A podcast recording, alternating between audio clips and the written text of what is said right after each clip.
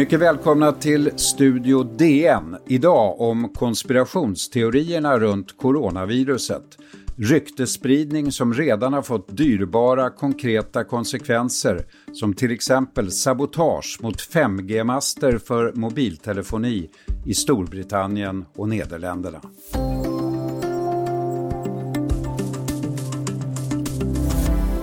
Vi lever i en tid där det utkämpas ett krig om informationsutrymmet. Faktabaserad, noggrant kontrollerad information kan plötsligt få formidabelt motstånd från påståenden som blixtsnabbt får fäste och spridning på sociala medier. Runt spridningen av coronaviruset har inte oväntat börjat cirkulera mängder av rykten att viruset skapades i ett kinesiskt laboratorium, att det skapades för att minska befolkningsökningen i världen, att Bill Gates, Microsofts grundare, ligger bakom, att strålning från 5G-masterna bryter ner immunförsvaret. Välkomna DNs reportrar Hugo Evald och Linus Larsson. Tack så mycket. Tack så mycket. Tack. Till att börja med då, hur ser er värld som reportrar ut i denna tsunami av bullshit som någon uttryckte det. Ja, vad, vad, ska man säga? Det är ju, jag har ju sadlat om lite nu och live-rapporterar väldigt mycket om eh, det nya coronaviruset och covid-19 och man kan ju säga att det är en otrolig mängd information som kommer. Det är en otrolig mängd inlägg, en otrolig mängd tweets, en otrolig mängd, ja men spridning helt enkelt. Så det gäller verkligen att vara extremt noggrann när det gäller att eh, sortera ut det hela. Och det är ju väldigt intressant för att eh, covid-19 och det nya coronaviruset har verkligen blivit som en så man kan säga, det har blivit, eh, det används för att liksom samla upp andra konspirationsteorier, andra typer av påståenden. Den kan göra, det kan göras till lite allt möjligt så att säga. Hur ser det ut för dig Linus? Ja, jag håller med, det, det, det, saknar nästan motstycke och det är verkligen hela spektrat från vad man skulle kunna säga bara är så slar, slarvig journalistik eh, med kanske liksom forskningsrön som, som är utfört i någon någorlunda ehm, eh, seriös kontext men som, som övertolkas och, och, och, och ges för stor betydelse till hela vägen till de, de fullkomligt galna eh, konspirationsteorierna och sånt som är taget i luften. Ja, att eh, ge sig in överhuvudtaget i de här olika diskussionsgrupperna, till exempel på Facebook, det är ju ingenting för lättskrämda direkt. Nej, det kan man verkligen inte säga. Jag spenderar väldigt mycket av min tid just i Facebookgrupper, och äh, framförallt svenska som väldigt ofta handlar om det här. Det finns en rad, jag tror det startats 5, 10, 15 grupper åtminstone för svenskar som är intresserade av just covid-19. Och det sprids det en mängd olika påståenden från alla håll så att säga. Det är otroligt intressant och ja, väldigt läskigt också ibland eh, när alla påståenden som sprids. Ja, hur håller du din mentala kapacitet eh, på, på en bra nivå? Nej, man blir ju lyckligtvis ganska avtrubbad efter ett tag eh, när man jobbat med det här ett antal år. Eh, och till slut blir man så liksom separerad från det hela, att man ser sig mer som bara en vanlig fluga på väggen som betraktar allt som med nyfikenhet. Men om vi då rent konkret eh, går in på eh, någonting som har spritts mycket då, det här med 5G-masterna där ju massor av sabotage redan har ägt rum i flera länder. Beskriv till att börja med 5G, Linus, vad är det egentligen? 5G som, som det låter, eh, den femte generationens mobilkommunikation, eh, det är nästa, nästa upp, stora uppgradering av eh, mobilnäten. Eh, eh och det här, det, det, det kan man kortfattat säga att det är snabbare och kan till, koppla upp många fler eh, apparater och tros användas för väldigt mycket mer än vi använder mobilnäten för eh, eh, idag. Um, och eh, det har ju funnits, eh, även före det nya coronaviruset, funnits en, eh, väldigt många konspirationsteorier om, om, om hur farligt det här skulle vara och, mm. och hur, hur, hur, det, hur det drivs igenom trots att det kommer skada människor och så vidare. Um, och det där, ofta tar det fasta på någonting som kanske om man, om man, sånt som att 5G-näten förväntas användas, eller kommer använda eh, sig av högre frekvenser, radiofrekvenser, än, än de tidigare. Och vet man ingenting om radiokommunikation så kan ju det låta farligt. Det kan låta som att ja, men det är högre volym om det skulle röra sig om ljud och då får man ont i öronen eller någonting sånt. Mm. Eh, men det har ju inte alls, de, det har ju inte alls de, de effekterna och det finns ingen anledning att tro att det är eh, skadligt för eh, människor. Men, men den konspirationsteorin har ju då liksom dykt upp i ny tappning här eh, just mm. i, i coronatiderna. Så det här med, med snacket om att det kan sätta ner immunförsvaret eller sprida virus, det kan man direkt avfärda? Ja, det, det, det är struntprat, fullkomligt struntprat. Eh, eh, men, men, men det får ju spridning. Jag kollade här på Världshälsoorganisationens lista över myter och det är det, det är det första de tar upp. Det är, det är att punktera den här myten om att 5G-näten skulle på något sätt sprida viruset eller eh, ja. Men hur började själva den här rörelsen, eh, Hugo? För att eh, det fick ju en extrem spridning, eh, raketsnabbt. Och hur började det? Ja, det är ju ofta svårt att spåra just den specifika konspirationsteorier på det sättet, men då, just motståndet mot 5G är ju en vidareutveckling på de, det motstånd man tidigare sett mot framförallt 3G när det kom i början av 2000-talet.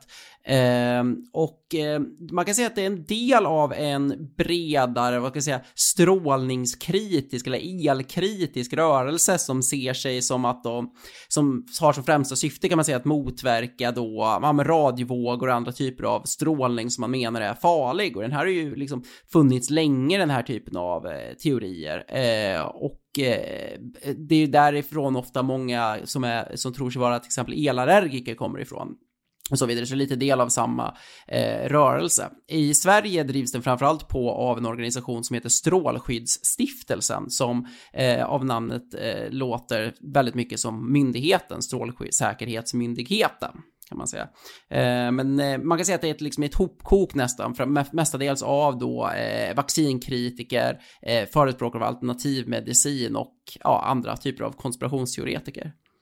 I bland annat Storbritannien som sagt har, har sabotagen varit många. So the 5G story is complete and utter rubbish. It's nonsense. It's the worst kind of fake news. The reality is that the mobile phone networks are absolutely critical to all of us, particularly in a time when we are asking people to stay at home. But in particular, those are also the phone networks that are used by our emergency services and our health workers. Professor Stephen Powis, uh, eh, Medical Director på NHS, National Health Service uh, i England. Uh, det här får alltså konsekvenser, Linus, för viktiga samhällsfunktioner direkt. Ja, skulle mobil, nu är det väl inte, har det väl inte den omfattningen riktigt, men det är klart att skulle, skulle, skulle det bli så utbrett att det, att det drar ner kapaciteten eh, i mobilnäten ordentligt, då är det klart att det skulle kunna vara katastrofalt. Vi är strax tillbaka.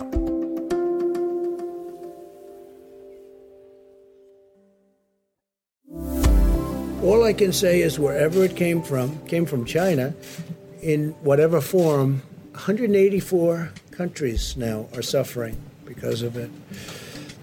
And it's too bad, isn't it? And it could have been solved very easily when it was just starting. USAs president Donald Trump som antyder olika saker här. Det har ju förekommit väldigt mycket spridning i USA att viruset kommer från kinesiska laboratorier. Trump är inte helt uttalad här, men han är, hjälper till så att säga. Ja, det, man, man, kan ju verkligen säga att eh, det har varit fram och tillbaka med just retoriken från Trump och det, det republikanska partiets eh, argumentation. Eh, och just det här teorin om att ett virus eller ett laboratorium i Wuhan kan ha legat bakom det hela har faktiskt spridits eh, sen några månader tillbaka när en eh, Washington Times publicerade då, den konservativa tidningen Washington Times publicerade en artikel som eh, antydde detta, men nu har det fått ny fart de senaste veckorna just efter att eh, eh, Washington Post framförallt och Fox News rapporterat om att USA helt enkelt utreder om det kan vara så att viruset eh, kan komma från ett eh, laboratorium då i Wuhan och ska ha liksom råkat eh, läcka därifrån så att säga omedvetet. Men det är ännu inte bekräftat utan är framförallt idag en del av den vad Kina-kritiska retoriken från USAs sida som bedrivs av presidenten. Och den har ju fått fäste. Jag såg någon siffra på att USA tror idag, tre av tio, att viruset eh, kommer från laboratorier. Eh, Linus, eh, finns det någon som helst eh, grund för, för ett sånt här resonemang? Nej, jag, jag, skulle, jag skulle säga precis som Hugo att, att det är någonting, det, det, det, det, det är, allting tyder på att den, den eh, förklaringen att det kommer från en, äh, från en marknad och kontakt med djur är det, är det, som, eh, det som är korrekta. Jag tycker det är lite intressant just konspirationsteorier har ju nästan alltid det gemensamt att, att de pekar ut en form av ansvarig part. Eh, och jag, tänk, jag, jag, tänker, jag tycker man kan tänka på det lite grann som ett sökande efter mening eh, mm. i i en sån här tid när vi har, när, när jättemånga människor dör, eh, folk förlorar sina jobb, ekonomier eh, slås sönder, så är det, så kan man ju, förutom att det är sorgligt, så kan man ju drabbas av en känsla av meningslöshet. Mm. Att det, det, det, det va, varför händer det här? Och jag tror att för vissa att peka ut någon ansvarig part, om det är ett eh, laboratorium i Kina eller om det är ett eh, eller om det är en eh, 5G-utbyggnad eller vad, vad det nu än är, så, så tror jag man söker en form av mening i att kunna, kunna, kunna peka på någon och säga där är den skyldiga, det är det här vi slåss emot. Mm.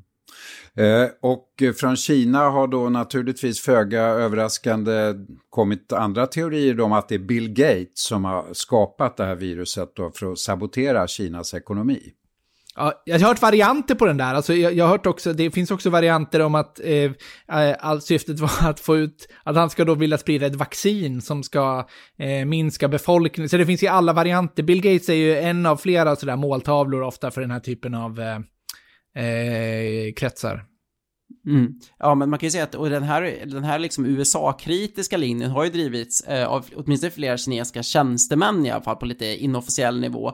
Det var ju för någon månad sedan eh, en eh, representant för Kinas utrikesdepartement gick ut på Twitter och insinuerade att det ska ha handlat om amerikanska trupper som genomförde någon militärövning i Kina förra året och då kan det ha spridit det till Wuhan som därmed, ja men, så att de driver samtidigt på som USA driver på att det kommer från Kina som att det ja, egentligen skulle komma från USA så att säga. Vilka tjänar då på den här desinformationen och hur mycket kan spåras till statlig inblandning?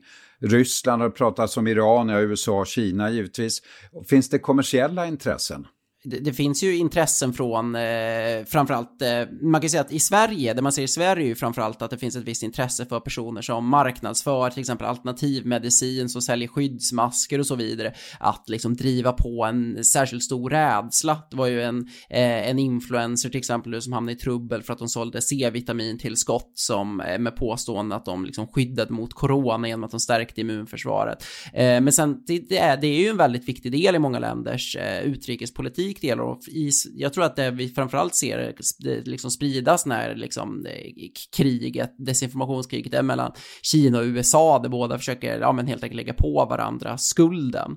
Eh, och det är alltid svårt att veta eh, i vilken mån de, de påståenden som sprids är liksom, ja men vart de kommer från ursprungligen, men det sker ju ett ganska aktivt liksom eh, meningskrig mellan eh, länderna på väldigt hög nivå. FN-chefen Guterres sa häromdagen att eh, det här är nu en farlig ep epidemi av desinformation. Vad kan man göra, vad har hittills gjorts för att stävja ryktesspridningen?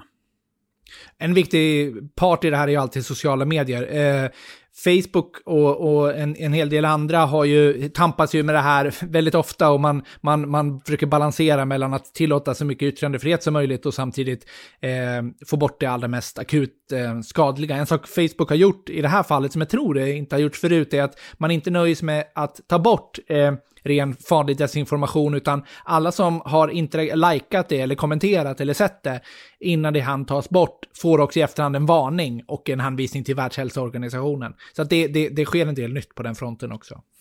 Hur hanterar ni allt det här som journalister just nu? Eh, jag försöker att vara mm, väldigt, väldigt lugn i rapporteringen. Jag tror att det, det värsta man kan göra som journalist just nu är att liksom gå för snabbt på enskilda studier, för hårt på liksom eh, tuffa vinklar, liksom chockerande nyheter, utan bara helt försöka vara så lugn och saklig i rapporteringen som möjligt hela tiden. Ja, nej, men det är sant. Det är egentligen inget, inget proportionen är annorlunda nu, men, men grundprincipen är ju de samma som alltid gäller. Eh, eh, pålitliga källor, inte, eh, inte lita på vad som helst och, och sålla väldigt, väldigt, väldigt mycket. Viktigare som sagt än någonsin som nyhetskonsument att ta reda på var informationen kommer ifrån. Faktabaserad journalistik är viktigare än någonsin. Tack Linus Larsson och Hugo Evald för att ni var med. Imorgon i Studio DN USA-tema Corona och påverkan på det amerikanska valet. Dagens ljudklipp kommer från AP och The Guardian. Studio DN görs av producent Sabina Marmelakai, exekutiv producent Augustina Erba, ljudtekniker Patrik Miesenberger och teknik Oliver Bergman, Bauer Media. Jag heter Lasse Bengtsson. Vi hörs!